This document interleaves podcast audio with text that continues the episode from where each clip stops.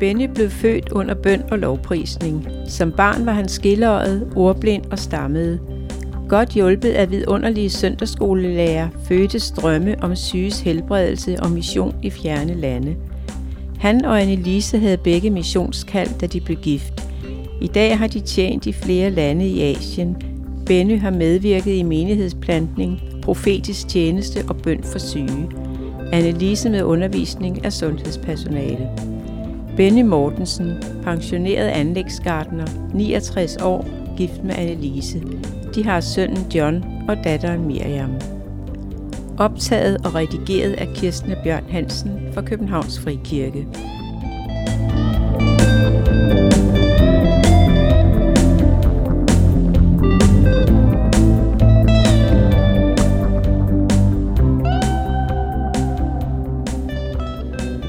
Ja, hej Benny.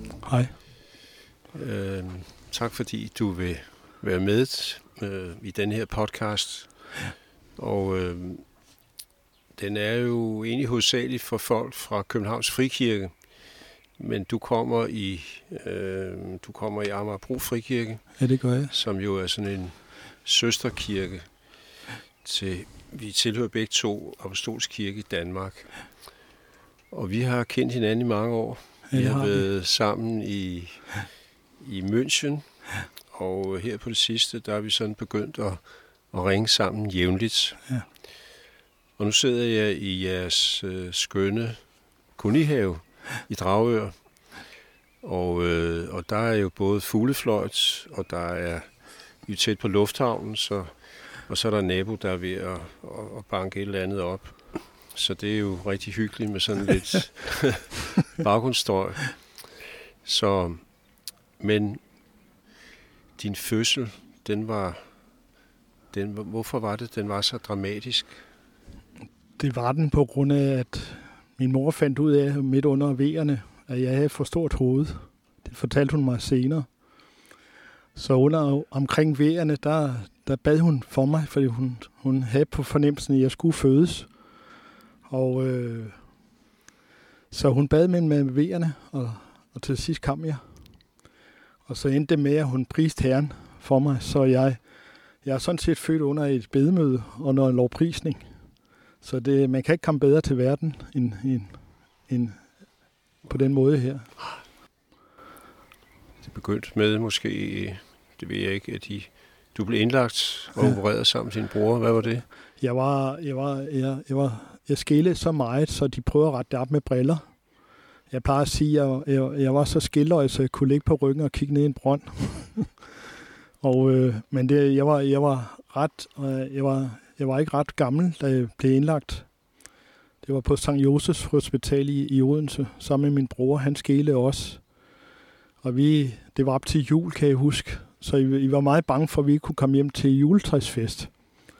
Men øh, det var dejligt at se, at øh, det læge, der opererede mig, havde gjort et godt arbejde, så nu kan jeg se, øh, mit, jeg fik mit syn igen, så jeg, jeg kunne se mere klart. Ja. Men der var også andre ting, for eksempel, jeg, øh, da jeg begyndte at gå i skole, der, der øh, stammede jeg en del også, men også, at jeg øh, ikke rigtig kunne udtale ord, så jeg gik til talpædagog et helt år. Så, og øh, jeg måtte også skifte skole. Øh, Hvorfor? for, fordi at, at jeg kunne ikke rigtig sætte sætninger sammen. Så jeg kom til en mindre skole. Man kalder det ordblind i dag. Men, øh, men øh, det var sådan en lille skole, der lå meget tæt på, hvor vi boede. Men, fordi hun var også lidt bange for mig, og så øh, få mig ud i trafikken. Men jeg vidste, hun bad for mig. Og det, det var så stort for mig, at min, min mor bad for mig hver gang, for hun, hun kunne ikke selv følge mig.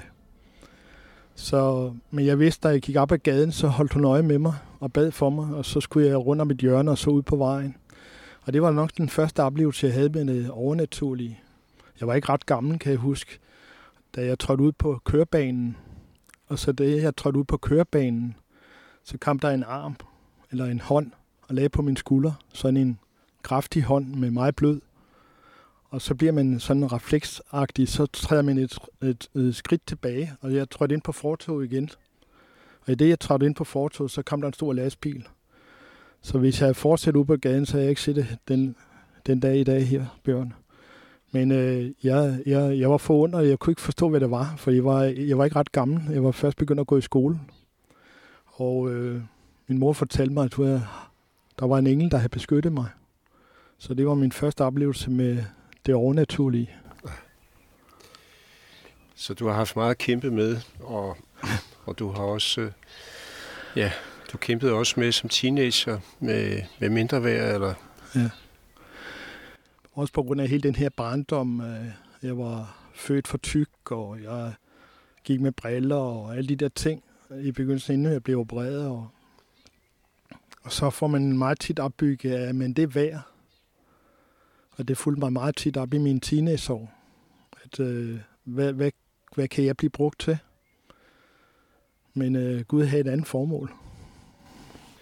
Øhm, der var et særligt kapitel i Bibelen, der betød meget for dig. Det, jeg begynder øh, at komme i det, man kaldte søndagsskole dengang. Og øh, der, der kom jeg den mindste, min, min, min, min, den mindste klasse, hvor vi havde en stor sandkasse. Og hende, der ledte den sandkasse, hun kunne godt lide at bygge byer ligesom på Jesu tid. Og hun gik meget ud fra Matthæus 10, hvor Jesus siger, giver disciplene autoritet til at gå ud og drive dæmoner ud og helbrede alle slags sygdomme. Og det hang fast lige fra min barndom af. Og så en dag havde hun bygget øh, ud af en sko- skoæske. Der havde hun klippet hul i låget og lavet en lille borger. Og der fortalte hun om Jesus, der sænkte den lamme mand ned. Og samtidig med, at jeg var sådan lidt, eller jeg, jeg kunne godt lide eventyr. Vi har ikke noget fjernsyn, kan jeg huske, så sagde jeg og lytte til øh, radioteateret. Men samtidig med, også kunne jeg godt lide at gå i, i, i søndagsskolen. Og, øh, og, og der, der var det meget med ham omkring helbredelse. Og senere, der havde vi missionssøndag en gang om måneden. Og vi, fordi vi havde sådan nogle vidunderlige øh, øh, søndagsskolelærer. En, der hed Helge Nielsen fra Odense. Og jeg kan huske, at han var meget oppe i mission, og da jeg var ikke ret gammel, der begyndte han at forme øh, globussen af papmaché. Han boede lige overfor, hvor vi boede. Vi boede selve i kirken, on, on, op ovenpå på første sal, og han boede i en anden lejlighed. Og øh, han formede den der jordklør. Han inviterede mig med ind, og jeg fik lov til at se ham male de forskellige lande. Og det blev brugt til en missionssøndag. Og når jeg nu tænker tilbage, så, så var jeg ikke klar over på det tidspunkt, at jeg skulle have noget med mission at gøre. Øhm, ja, og du, øh, der er så en periode som teenager, hvor du synes, at, at det kørte bare derud af, alt var ok, men, men Gud så anderledes på det. Jeg, øh, der flyttede vi til Roskilde, og far han var leder for Apostolsk Kirke i Roskilde. Og øh, der fulgte jeg søndagsskolen der, også og juniormøder, og var på teenage og alle de der ting. Og jeg elsker at bede, og jeg elsker at synge med, og jeg kunne mange sangene, og, og hele, hele den verden af, af kirkeliv. Jeg elskede det. det ligesom at jeg gik i en beskyttet kuppel. Og der var mange af de ældre, der, der også indtil mig ind til deres bedemøde. Så jeg kunne godt få min bøn, og jeg kunne også læse i Bibelen, og jeg elsker at skrive Bibelen af.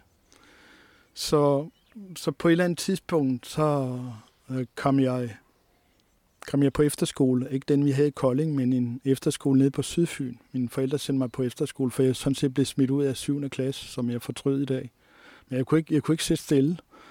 Og, øh, og der sendte de mig på efterskole, hvor jeg tog 8. og 9.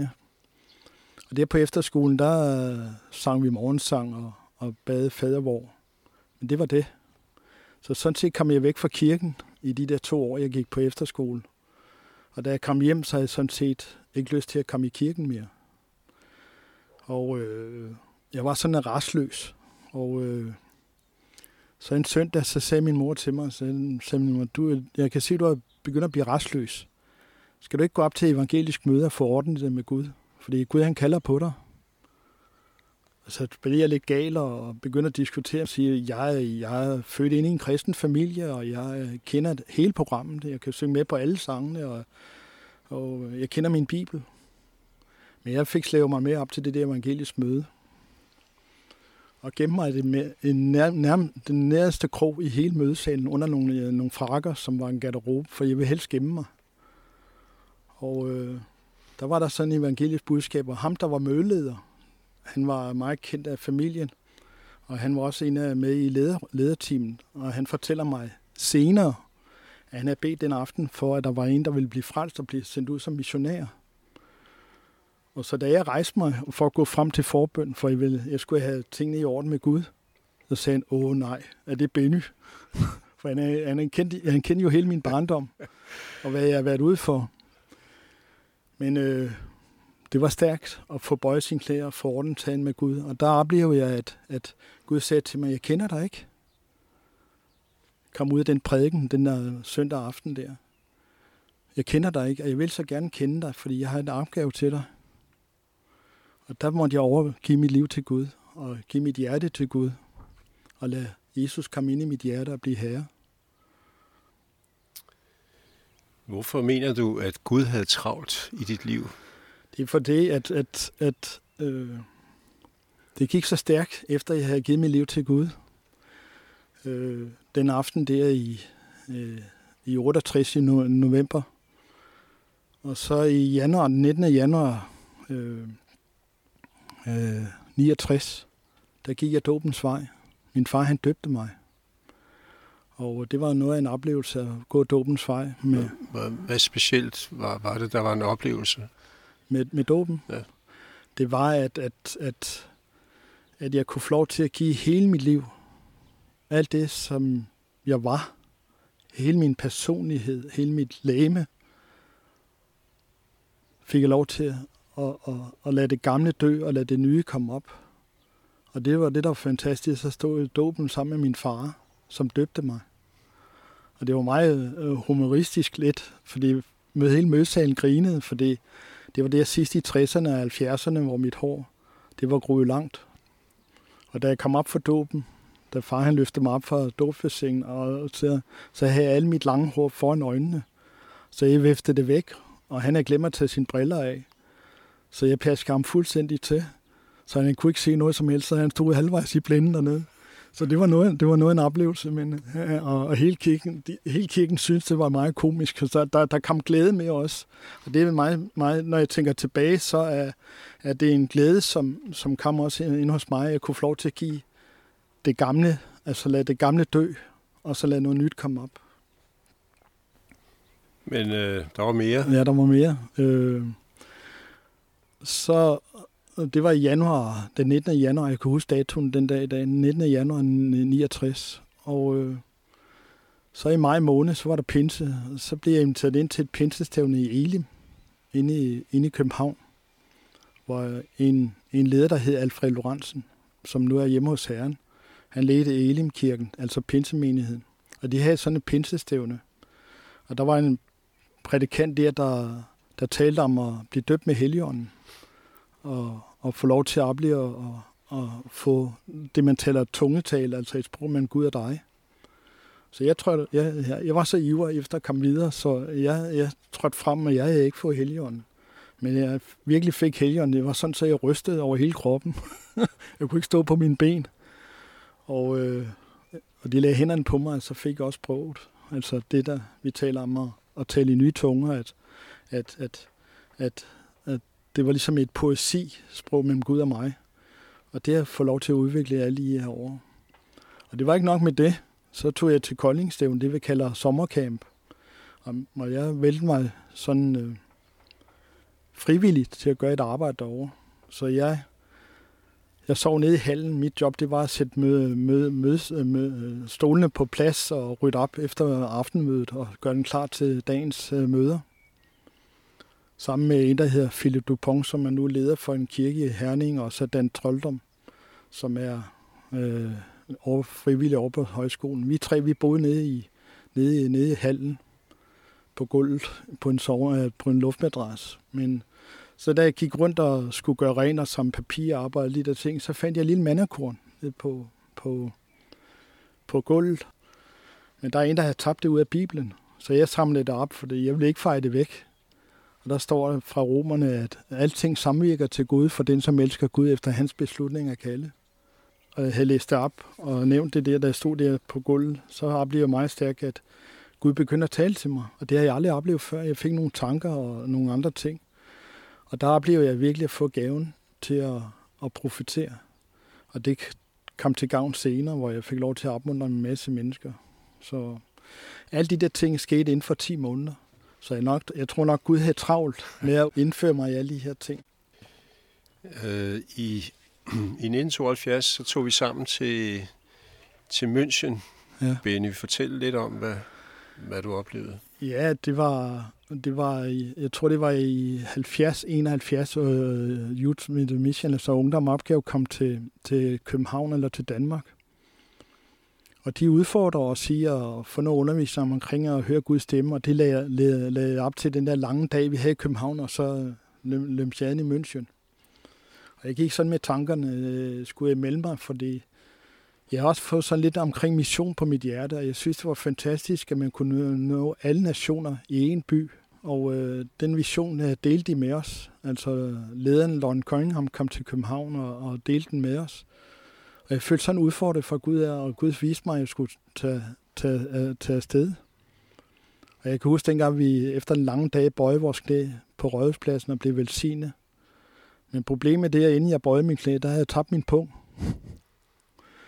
Og uheldigvis så havde min mor kommet ind med nogle lommepenge, men øh, pungen den var væk.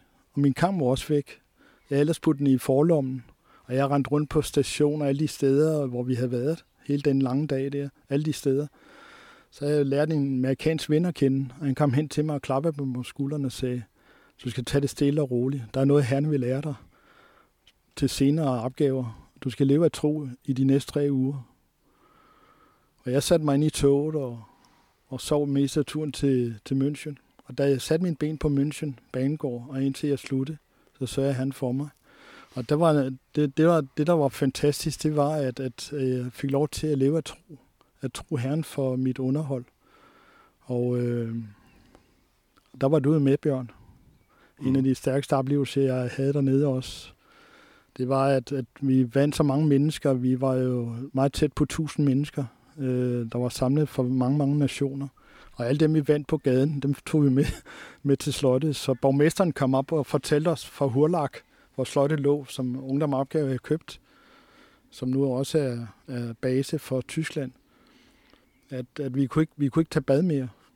Og ledelsen af hele arrangementet vidste ikke, hvad de skulle gøre. Så havde de fundet en svømmehal, cirka en halv times kørsel fra, hvor sløjte var.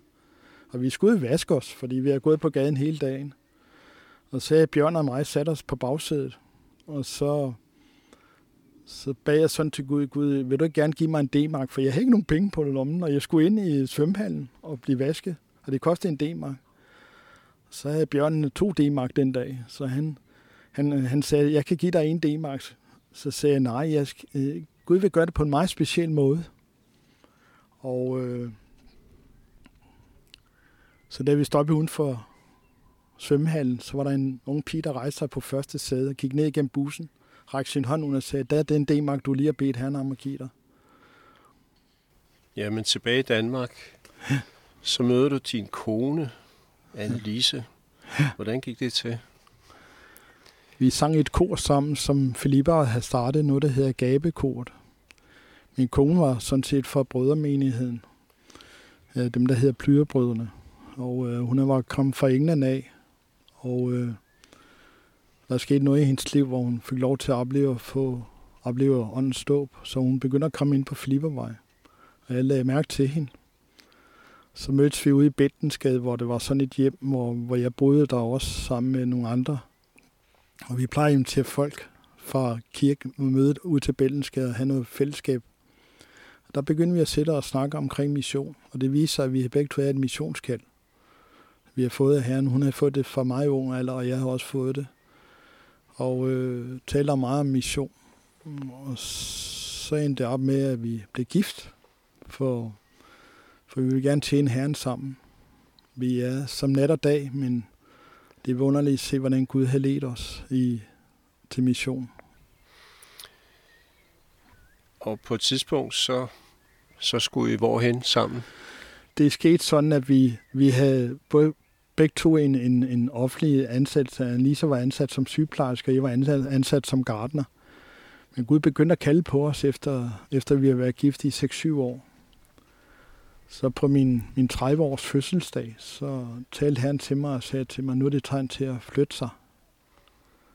Uh, nu er det tegn på at, at tage til Holland først og gå på missionsskole dernede. Det er en form for missionsskole, vi var på. Og Elise, hun var, hun var lidt, lidt, lidt bange for det, men, men og hun sagde også til mig, nu må du tage en beslutning, for jeg havde meget svært ved at tage en beslutning, for vi havde to små børn, John og Miriam. Og, øh, men jeg følte meget stærkt, at vi må sige til familien, det er nok den sidste familiefest, vi har indtil videre. For vi har tænkt os at tage til Holland. Og det er en lang historie, der var mange ting, der kom, der viste, at vi skulle tage afsted. Og øh, der var vi nede i cirka en, jeg tror det var en 5, 6, 7 år, hvor vi rejste frem og tilbage til Asien med Teams. Og så i 91, så talte han meget stærkt til mig, at han ville åbne døren til et bestemt land. For det med at rejse teams og, og rejse frem og tilbage, det var meget trættende. For vi nogle gange, var nogle gange to til tre gange i, i Asien med teams. Og vi rejste rundt og gav undervisning på missionshospitaler rundt om i hele Sydasien. Så han sagde meget stærkt til mig, at jeg ville åbne døren, og I kan komme ind. Det er ellers meget svært at få øh, missionsvisa til Asien. Og han sagde til mig, at, at, at du skal være inden for et bestemt tidspunkt, skal du være inden for at rejse, fordi jeg vil gøre noget. Og det var, min fødselsdag var den 29. maj, og øh, vi skulle helst være inde i landet den 17. juli, lige efter øh, sommercamp. Og, øh, og vi har pakket alt, vi havde. Vi havde pakket noget her til noget til Danmark, og så tog vi kun bøger og nogle køkkenting med. Og så rejste vi, og det viser sig, at Gud frelste manden fra visekontoret en måned før vi kom.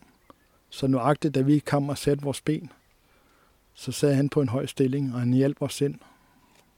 Plus Gud havde øh, placeret en, en ret katolik på Sundhedsministeriet i det samme land. Så de hjælper os at få fem års visa, opholdstilladelse, hvor der er mange missionærer, der kommer den dag i dag og sagde, hvordan gør I? Jeg sagde, vi flytter os, når Helligånden siger, at vi skulle flytte os. Altså når Gud siger, at vi skal flytte os, så flytter vi os.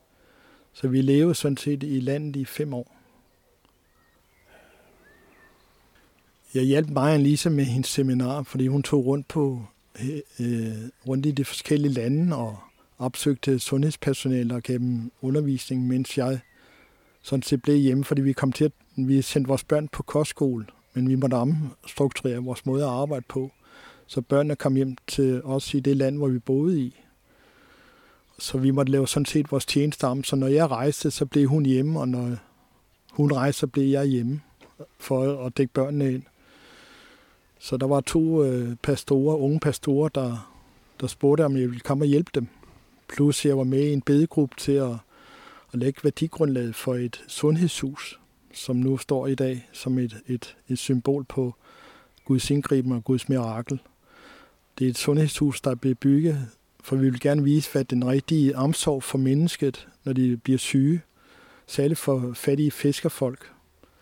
Og det var så vidunderligt at se, at komme tilbage og se, at det var bygget, og det var, men jeg var med til at bede det frem i, i cirka et halvt år, da jeg var i, i det land, som øh, vi var. Og, øh, men der kom de der to pastorer og spurgte, om jeg ville være med til en øh, menighedsplantning. Så jeg var med til at plante en menighed i et meget stærkt religiøst område. Mange gange advarede de mig mod at komme, fordi deres ruder var smadret, og vi måtte tage korset ned fra væggen og alle de der ting. Men vi byggede, så senere fik vi bygget en bygning, hvor vi oplevede at, at få den visdom at bygge øh, det rum, hvor, hvor, hvor vi har dagligstue herhjemme, det bygger vi større. Og det, hvor præsten boede, det bygger vi mindre. Så når folk kommer og anklagede ham og sagde, at han er i kirke, så sagde han, nej, han har bare nogle venner på besøg. Øh, og den der strategi var jeg med til at, at, at udføre.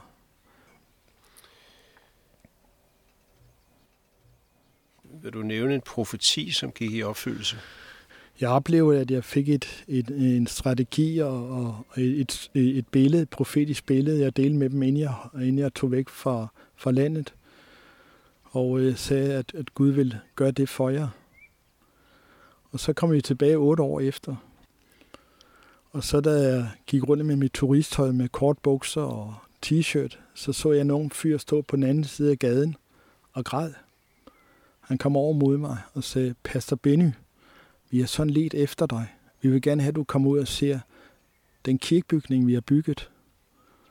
Du har ikke din pastor øh, skjort på og dine sorte bukser, så jeg kunne slet ikke kende dig.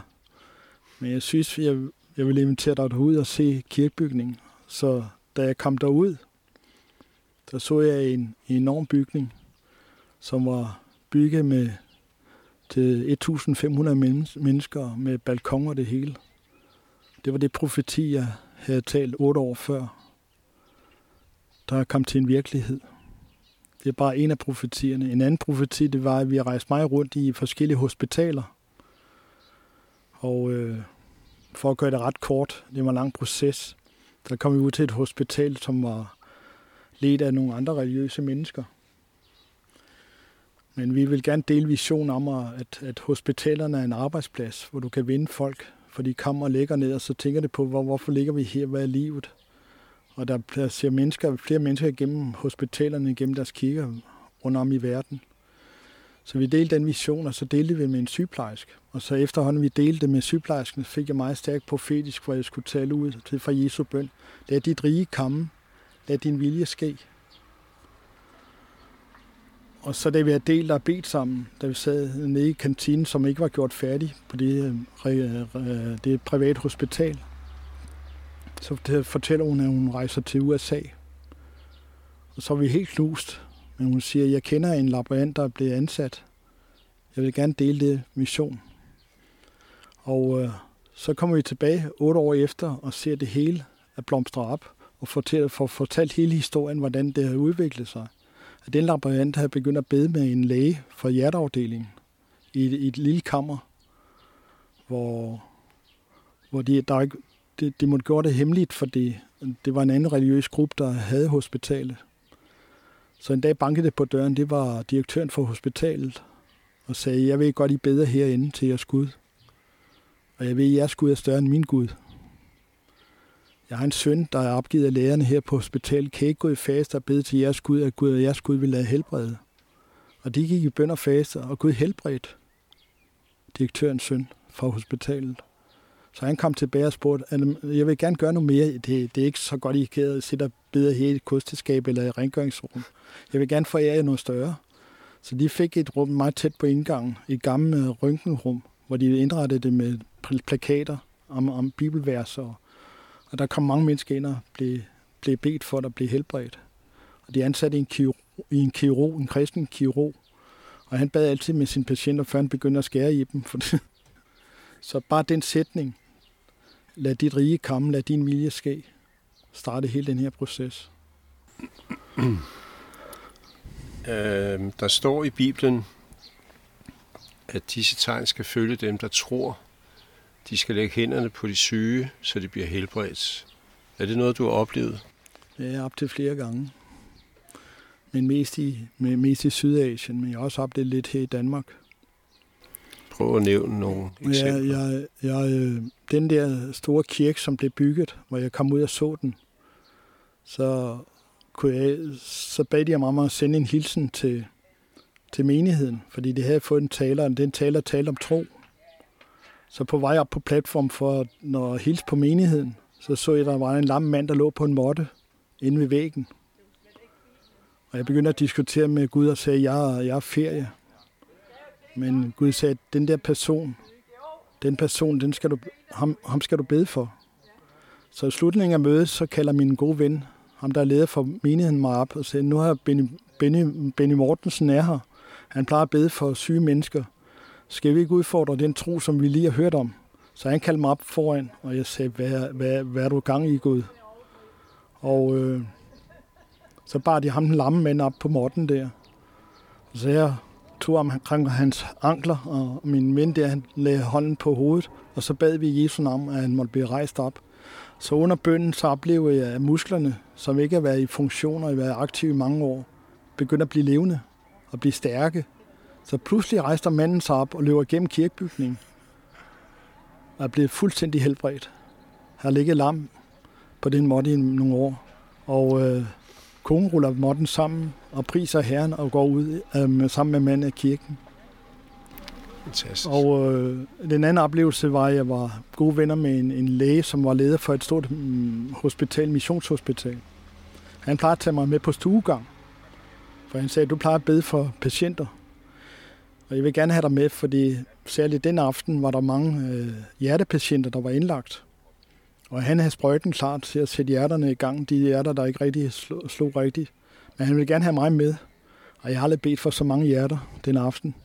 Og der er sket mange mirakler, og der er sket mange svar på bøn. Og der er mange patienter, der fik lov til at tage hjem næste dag. Så jeg gik over og sov. Det var ved at være midnat, så gik jeg over og sov. Så var der en øh, hospitals medhjælper, der kom og vække mig og sagde, nu er din ven her en kald på dig, fordi der er lige kommet en baby ind. Og hvis der ikke sker noget nu, så vil hun dø. Så jeg går over og, og ser en ikke ret stor baby, ligge ryst over hele kroppen. Og så spørger jeg forældrene, om jeg må få lov til at bede, for de er fra en anden religiøs gruppe, og får lov til at bede. Og jeg lægger mine to fingre på, og øh, lige pludselig falder feberen.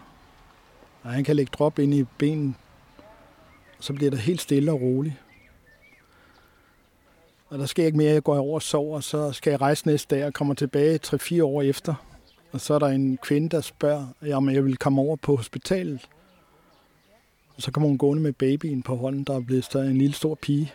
Og øh, hun vil bare vise, hun vil gerne snakke med den præst, der har bedt for sin datter den dag.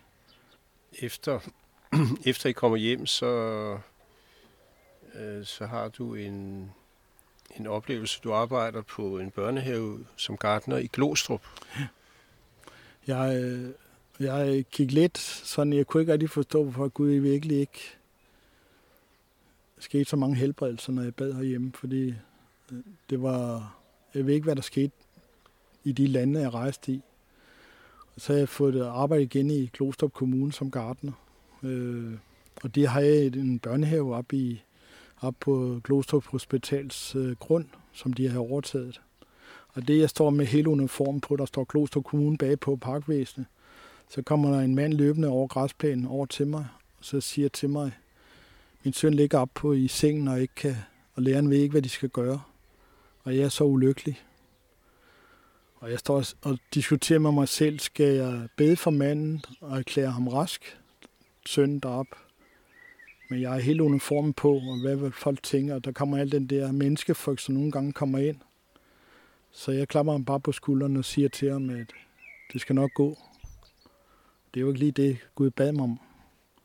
Så jeg var meget, meget ked af det bagefter. Jeg sagde til Gud, jeg lovede Gud, hvis jeg nogensinde får lov til at opleve den her igen, så vil jeg gribe chancen, og så vil jeg bede for folk, hvad end situationen er. Og så skal jeg ikke ved det, det var, at jeg går til kontrol hver halve år. Det gjorde jeg også dengang, var jeg ansat i Glostrup Kommune. Så jeg tog op på blodbanken og få taget blodprøver. Så på vej derop en morgen, så sagde han til mig, du skal bede for en op i blodbanken. Men der skete så mange ting, og den der, den der, hvor man trækker nummeret, den fungerede ikke. Og, og døren blev ikke åbne, og vi står jo lang kø udenfor. Og jeg havde meget travlt, for jeg skulle tilbage til timen. Men øh, så kom jeg ind til en, en muslims dame, der sad, så skulle tage blodprøven og hun havde nogle problemer med computeren, så vender hun sammen, så siger hun til mig, jeg har sådan en migræne i dag, og jeg ved ikke, hvad jeg skal gøre ved det. Jeg er lige ved at gå hjem. Så siger jeg til hende, vi er jo Abraham som far, og jeg tror på Gud, og jeg er en kristen, og jeg beder for folk. Skal jeg ikke bede for dig, at du vil få den migræne væk, så du kan få lov til at få en, en fredfyldt dag? Så når du tager blodprøven, kan jeg så få lov til at lægge en finger på din arm? For man må helst ikke røre en muslimsk kvinde. Men jeg skal røre den på en anden måde, så jeg spørger hende om lov, om at lægge min lille finger på. Så beder jeg i Jesu navn, at Jesus vil tage den migræne. Og hun fortæller mig bagefter, da jeg sagde i Jesu navn, så rollede, kørte det koldt ned ad ryggen, ligesom kuldgysninger. Og migrænen var gået og væk. Så hun smiler over hele ansigtet og sagde, ja, vi har virkelig Abraham som far. Hvis du skulle sige med en enkelt eller nogle få sætninger, øh, hvad har livet lært dig? Livet har lært mig, at, at Gud kan tage det, der er intet. Jeg startede meget vanskeligt, hvor min fødsel den var vanskelig for min mor. Men Gud tager det, som måske ser vanskeligt ud, og gør det til det, som han ønsker, vi skal have, eller være, eller gøre. Gud giver aldrig op. Gud kan bruge hvem som helst. Og det, der, det det, jeg synes er stærkest. Det er det, jeg har lært her i livet. Det er, at du skal ikke give op. Men at, at selvom tingene ser vanskelige ud, og man kommer ud i vanskeligheder, så har Gud altid et formål, hvorfor han har sat os på jorden. Og han, han kan bruge hvem som helst.